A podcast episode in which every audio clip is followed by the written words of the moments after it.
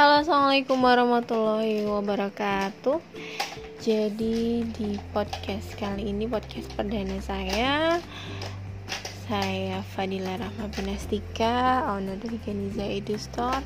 Kali ini kita mau bahas tentang Manajemen emosi pada balita. Jadi pas banget saya habis IG live dan sama Bunda Mi Teh Fufu uh, saya mau share nih apa sih uh, yang didapat waktu tadi live sama Teh Fufu tentang manajemen emosi pada balita. Yang kita tahu ya kalau di masa pandemi saat ini kan uh, waktu untuk bareng sama anak-anak itu jadi lebih panjang gitu ya. Untuk beberapa orang yang tadinya bekerja di luar kemudian harus work from home itu kemudian akhirnya mereka lebih sering bertemu sama anak-anak hampir 24 jam. Yang tadinya nggak pernah ketemu ketemu melihat anak-anak rewel pusing deh emosi gitu ya. Uh, jadi uh, pertama kita pengen hadapin gimana sih bagaimana sih ketika emosi anak itu untuk manajemen emosi manajemen emosi pada anak itu sebenarnya awalnya adalah pada emosi orang tua. Iya kan kita parenting. Parenting itu berarti Nah, semuanya bergantung sama orang tua. Begitupun dengan emosi anak. Emosi anak juga berawal dari emosi orang tua. Bagaimana orang tuanya sendiri dalam mengendalikan emosi. Gitu juga eh, begitu juga anak dalam mengendalikan emosinya. Dalam aplikasinya pun parenting ini akan terus ber, berjalan ya. Eh, gimana kita merespon emosi itu sendiri Nah, e, pertanyaan yang tadi diajukan itu yang pertama, gimana sih cara menghadapi anak yang super aktif yang diemnya cuma waktu tidur? E, saking banyaknya polanya tuh sampai bikin emaknya sampai bikin ibunya emosi sendiri sampai teriak-teriak harus ngomonginnya. Nah, e, dari Teh Fufu sendiri itu bilang kalau sebenarnya kalau anak yang aktif uh, jangan sampai ngomong hiperaktif ya karena hiperaktif itu sudah diagnosa dari psikolog jadi mungkin super aktif yang diemnya waktu tidur aja itu ya pertama harus disyukuri dulu dulu karena belajarnya anak itu kan berbeda-beda ya ada yang memang kinestetik, ada yang visual, ada yang auditory. Mungkin untuk anak yang cara belajarnya kinestetik, mereka harus bergerak terus, dan itu adalah fitrah belajar dari anak-anak. Dan memang pada pada aslinya anak-anak itu ya memang aktif. Dan siklusnya itu nggak lama. Mungkin kalau terjadi 5 menit itu, eh, 5 mungkin dalam lima tahun pertama itu. Jadi ya memang balik lagi ke orang tuanya uh, untuk menerima bahwa anak-anak itu ya fitrah ada yang fitrah belajarnya itu harus bergerak terus. Nah Uh, terus untuk pertanyaan kedua gimana sih cara membantu anak mengenali emosi? Oh ya tadi sudah dibahas. Itu pertama dari orang tuanya sendiri. Kayak misalnya anak kemudian kok mukul bisa jadi anak itu tadinya mungkin anaknya nggak dipukul langsung. Bisa jadi misal anaknya dipukul langsung. Bisa juga anak melihat orang tuanya memukul tontonan yang mukul-mukul itu juga bisa mempengaruhi uh, dari anak tersebut dari emosinya dari karakternya suka mukul gitu.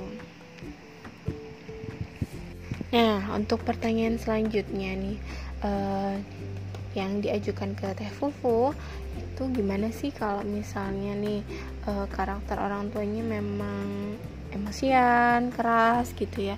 Itu sebenarnya tadinya dari orang tua kita yang dulu itu gimana kemudian hmm, menghadapi anak untuk agar tidak meniru orang tuanya.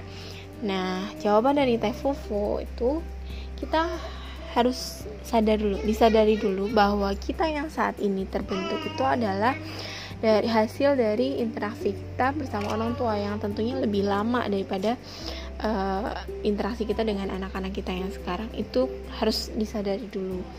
Kemudian apa yang sudah terjadi misal uh, marah-marahnya uh, orang tua kita dulu ke kita uh, mungkin sikap kerasnya orang tua dulu ke kita yang sudah terjadi itu disyukuri kemudian disyukuri dan dimaafkan.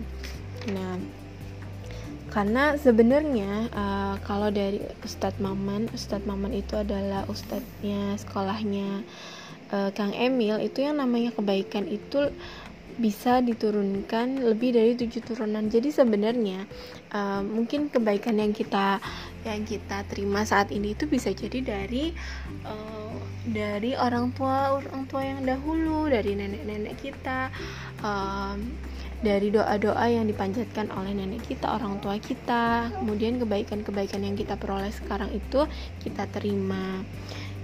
Nah, kita bisa saja merekol memori itu untuk belajar bahwa oh hal itu hal yang dulu itu salah. E, kemudian kita perbaiki apa yang salah.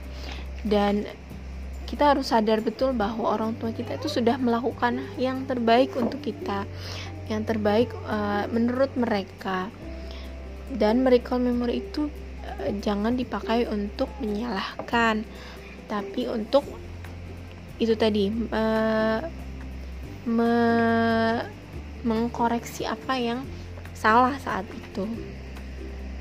Nah, kemudian saat itu terjadi, emosi itu terjadi, kita lakukan yang pertama adalah disosiasi.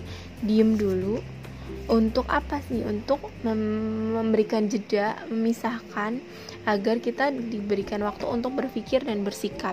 Bisa misal masuk ke kamar dulu kalau ketika emosi itu datang masuk kamar dulu atau masuk atau pergi dulu atau ke mana dulu baru kita kemudian menyikapi uh, hal yang sedang terjadi. Atau ingat dari Quran surat Ah-Tahrim itu yang di mana di mana kita akan mendapatkan surga jika kita menahan marah. Nah, selanjutnya dari uh, proses kita belajar dari emosi orang tua yang dahulu, itu kita bisa minta bantuan dari orang lain, minta bantuan dari orang lain, misal pasangan kita. Pasangan kita, kita tanya apakah saya sudah berproses untuk mengelola emosi atau yang lainnya. Kemudian yang paling penting adalah untuk mau berproses, proses terus, berbenah terus untuk menghadapi emosi itu tadi. Dan yang terakhir tawakal, yaitu serahkan pada Allah. Pertanyaan terakhir, uh, gimana sih ketika um, emosi itu datangnya dari pasangan? Lanjut kemudian pertanyaan terakhir ya maaf tadi ke ganggu anak-anak. Uh, gimana kalau misal yang sebenarnya mempengaruhi emosi? Iya. Nah gimana kalau ternyata pasangan kita yang uh, masih sulit mengendalikan emosi dan berpengaruh ke anak-anak? Aduh. Ini yang perlu adalah komitmen komitmen bareng pasangan untuk berbenah dalam hal emosi ini saat emosi itu berlangsung jangan langsung dikomen untuk diperbaiki. Kayak misalnya ayah jangan marah-marah sama Zahra atau ayah jangan marah-marah dong. Karena apa? Karena nanti anak akan bingung jadi yang benar mana? Uh, ayahnya yang marah-marah saat marah uh, ayah yang marah yang keras saat marah atau ibunya yang bilang jangan marah.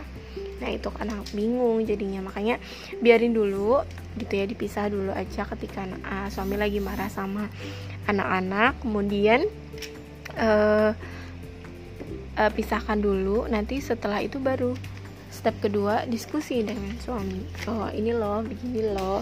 Uh, biar anak nggak emosi ya kita harus harus mengendalikan emosi kita yang kemudian yang terakhir poin terakhir adalah meminta maaf.